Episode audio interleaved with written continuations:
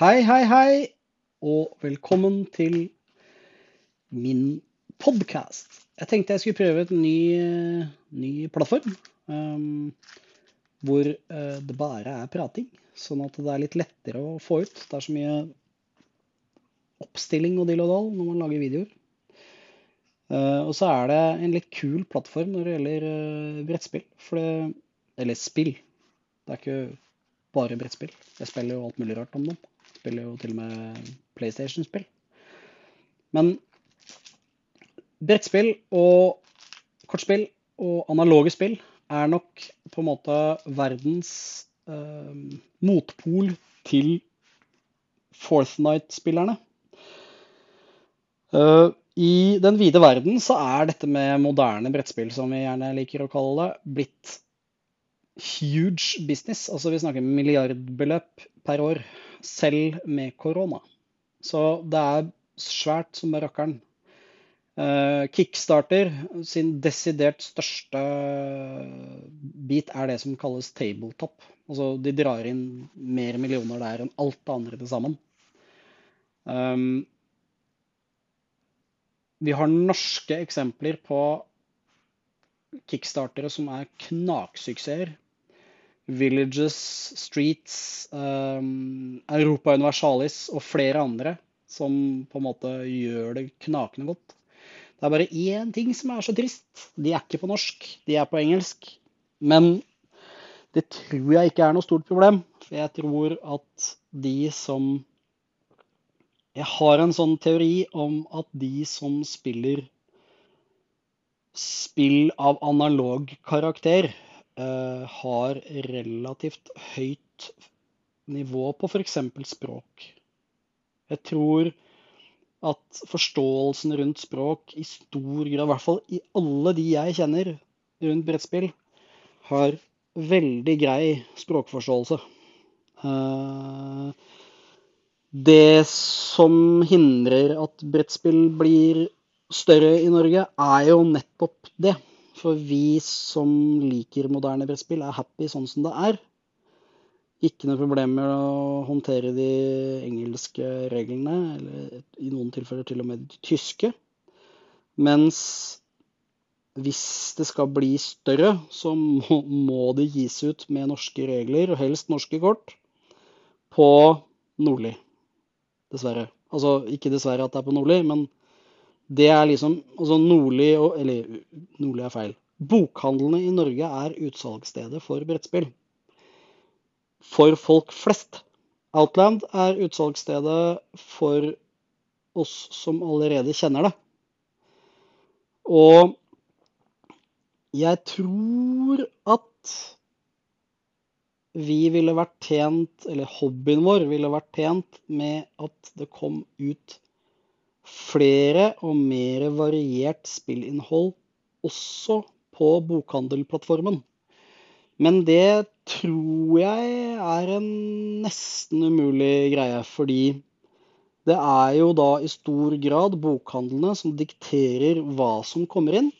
Og da blir det jo denne berømmelige topp ti-listen med politisk ukorrekt på nummer én, som på en måte blir tatt inn. Og så er det bare helt sånn sjokknivå på unntaksvis at det dukker opp et Jeg så her nå for noen uker siden at Terraforming Mars hadde dukka opp på Nordli på engelsk til 800 kroner i hylla. Og det er jo det er mulig jeg er rar, men jeg kaller det fremskritt.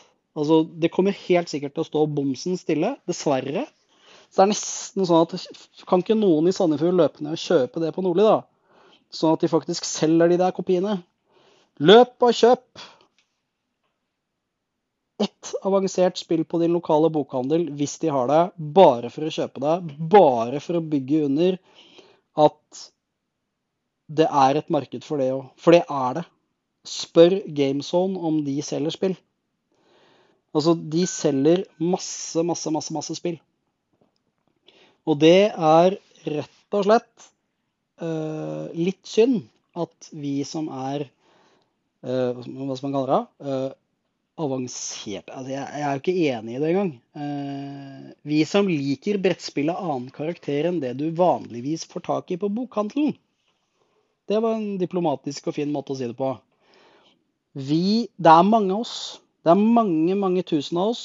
Og vi er en kundegruppe, vi òg. Og vi blir avspist med at vi må i stor grad gå på eh, internettet og handle våre ting. Uh, unntaket er jo selvfølgelig Outland, hvis du er så heldig å ha en Outland i den byen du er i. Det er typ syv byer i Norge som har Outland. Og utvalget på Outland er jo begrenset uh, ganske bra av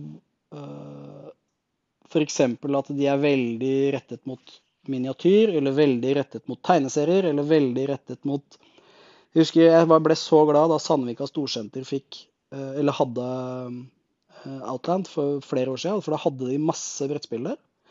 Sist jeg var der, det begynner å bli en stund siden, så kan det selvfølgelig endre det, så hadde de nesten ingen. Det var nesten tomt, og så hadde det blitt masse Lego. Det er sikkert en sånn der daglig leder-greie, at den daglige lederen, eller den lederen eller regionsjef eller hva det nå er, likte Lego bedre enn brettspill, og derfor så bytta de det ut. Om det fortsatt er sånn, det vet jeg ikke. Men jeg syns jeg ble nesten litt sånn på gråten da jeg så det, for det var liksom nesten ikke spill igjen. Så det er lov å håpe det retta seg opp. Uh, I Skien, uh, Porsgrunn, Skien, en av de, så ligger også en Atland. Jeg bor i Sandefjord. Og der er det noe bedre, men der også altså, Den har begrenset plass. Det er ikke en ren, renspikka uh, brettspillbutikk. og da må de på en måte sette av plass til Magic-kort, X-Wing, Eh, de må sette av plass til tegneseriene, Lovecraft-bøkene, eh, My Little Pony, Lego-settene osv. Og det, jeg skjønner det. Det er akkurat som bokhandler. det. De må ha plass til ryggsekker, de må ha plass til penner, de må ha plass til ukas bøker. Eh, men det er én ting som er forskjell på Outland og bokhandlene, og det er at Outland har i stor grad mye mer spill som du ikke får tak i andre steder. Eh, på bokhandlene så får du i stor grad nesten bare selskapsspill. Og det er jo bare en liten gruppe, folkens. Det er ikke sånn at alle nordmenn syns at Monopol, Risk og alle selskapsspillene som vi har kjøpt 33 ganger hver, er morsommere enn f.eks. Ticket to Ride. På den Nordlien jeg var her om dagen, så hadde de pussig nok ikke vanlig Ticket to Ride, men de hadde Terraforming Mars. Og det er vel heller kanskje ikke riktig. Uh, Ticket to Ride er et spill som skaper brettspillere av moderne brettspill, og bør være tilgjengelig i enten Europe eller US version i alle butikker som selger brettspill. Helst til kraftig subsidiert pris, slik at det er lett å kjøpe. Det er det jeg hadde tenkt å rante om når det gjelder eh, bokhandlere. Eh, jeg tenkte også å snakke litt om et søtt lite spill som burde bo på enhver eh, brettspillers bord. Eh, det leveres i en fancy liten velur-type eh, dicebag med en gul hanske utapå med noe greier, og så står det Marvel på den. Uh, det er rett og slett Seaman Games sitt nye Love Letter-spill, som heter Infinity Gauntlet. A Love Letter Game. Laget i år og gis ut av Nei, nei. Designet av Senji Kanji, er det det han heter, tror du? Han heter Seiji Kanai og Aleksandr Ortlov, som har designet dette spillet. Dette er nøyaktig mekanikken på uh, Love Letter, men med en twist. Det er én mot alle, eller one versus many, uh, varianten av dette spillet. med en tematikk som er mye morsommere enn prinsesser og prinser som skal gi hverandre love letters. Så man velger én spiller til å være Thanos, og så uh, tar man og gir uh, hero-dekken, eller heltedekken, til heltene. Thanos trekker to kort, heltene trekker ett kort, og så er man klar til å spille. Thanos starter alltid, og da trekker han opp et tredje kort på hånda, velger ett og spiller ned i sin discard, som skal være foran den Altså alle discards i love letter er din. Så du skal diskarde ned foran deg på bordet. Og så skal det ligge sånn at alle kan se hva du legger ut av nummer. Fordi numrene på kortene er ikke hemmelige. Det står i eh, både bildet på kortet, hvor mange det fins av det kortet, og om det er en infinity stone i Thanos tilfelle. Det er noen små prikker nedi hjørnet. Og mange av kortene som heltene har, gjør jo at de enten slåss med Thanos eller gjetter på Thanos sitt kort. Hvis heltene defeater Thanos enten i en fight eller i en sånn gjettinggreie, så går Thanos sitt liv ned med én. Um, og omvendt det samme for Thanos. Um, det funker også sånn at når Thanos fighter, så kan han velge hva han fighter med. Da gir han ett kort til hero-spilleren, og så ser hero-spilleren på sitt kort, viser sitt kort til Thanos, og så avgjøres hvem som vinner. Thanos og helten kan også ha en sånn Uh, rød token med pluss to. Uh, Søren, hva heter de? De heter Hang on. Power tokens. På norsk ville det vært kraftbrikke, hvis du hadde hatt uh, en morsom nok oversetter.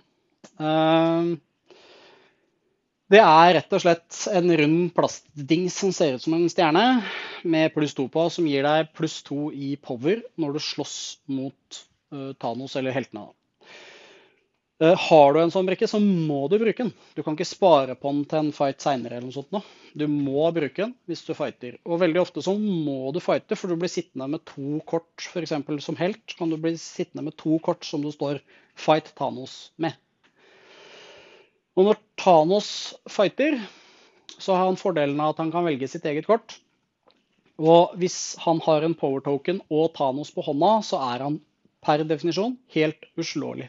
Han kan ikke slåss. Men da er clouet for heltene at de må initiere fighten. For da kan heltene ta og velge Altså da holder Thanos sine to kort frem. Eh, vi, vi skjøv de langs bordet bort. Han skal først stokke de, forresten. Og så skal han skyve de bort. Eh, og så skal helten velge. Så da har helten, selv om han har Thanos på hånda, en 50% sjanse til å klare å vinne. Hvis han har en sekser pluss en power token som blir åtte.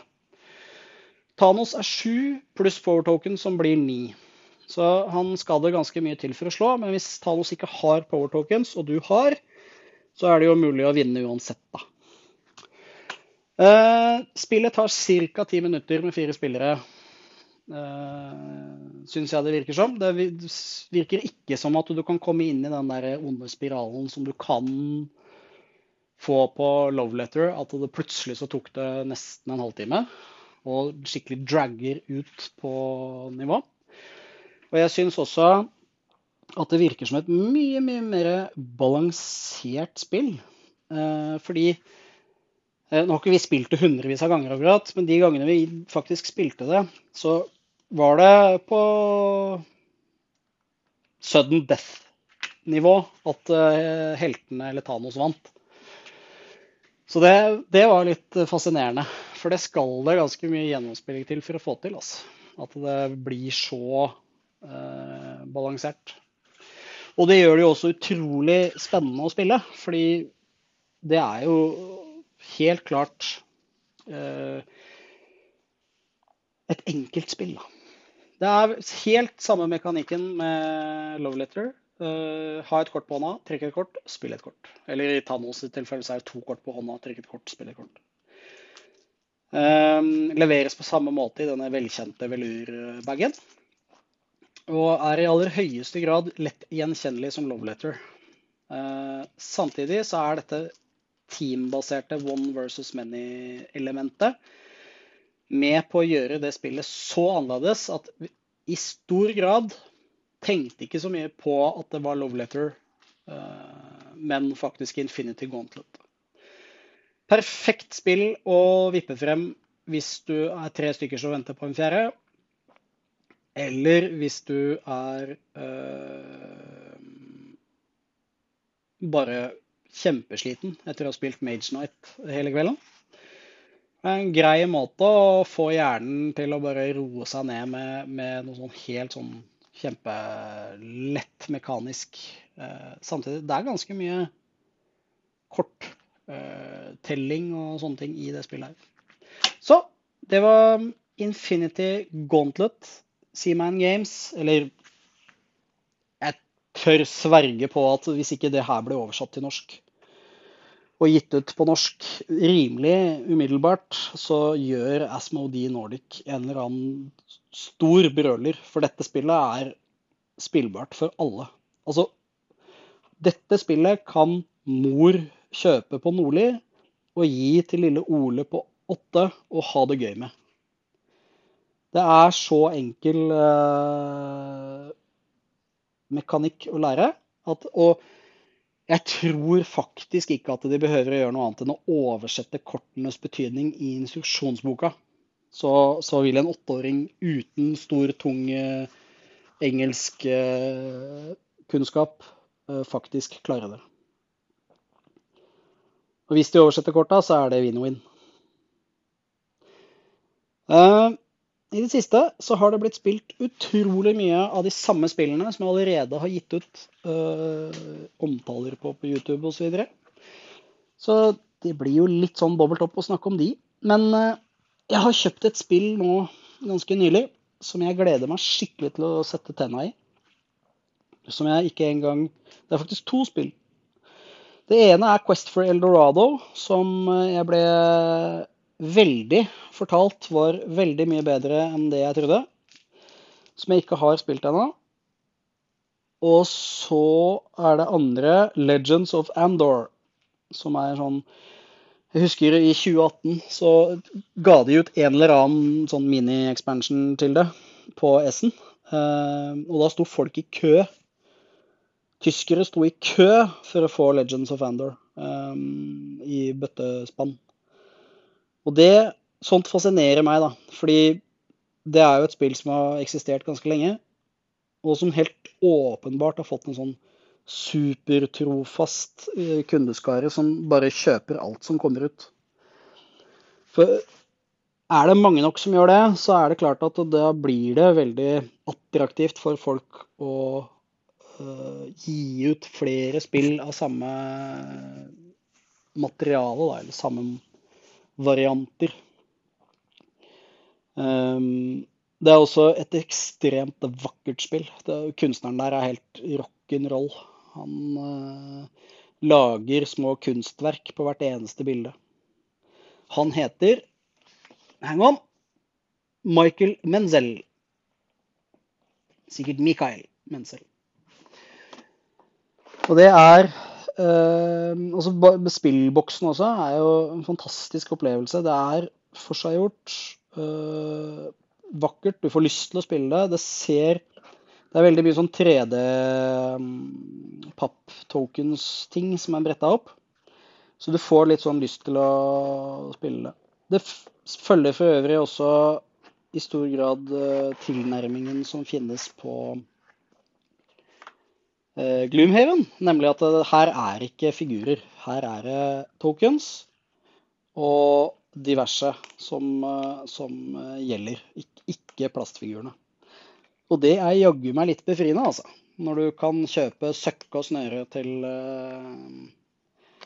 til et spill uten å bruke liksom De heftigste kickstarterne koster liksom 5000 kroner før du har importert det til Norge. Og det, det, er jo ingen som har råd til å kjøpe mange av de. Det blir vel til at folk kjøper én eller to. Og så håper på at det kommer retail, at de kan kjøpe litt og litt. Det er en eh, hobby som det er mye dyre spill i, og særlig på Kickstarter, for der, der havner liksom spilla som forlagene sier altså dette er så dyrt at det kan vi ikke lage. Og det er en fair greie. Det er vel kanskje riktig òg, det at det havner på Kickstarter. For det er jo gode spill i stor grad ofte.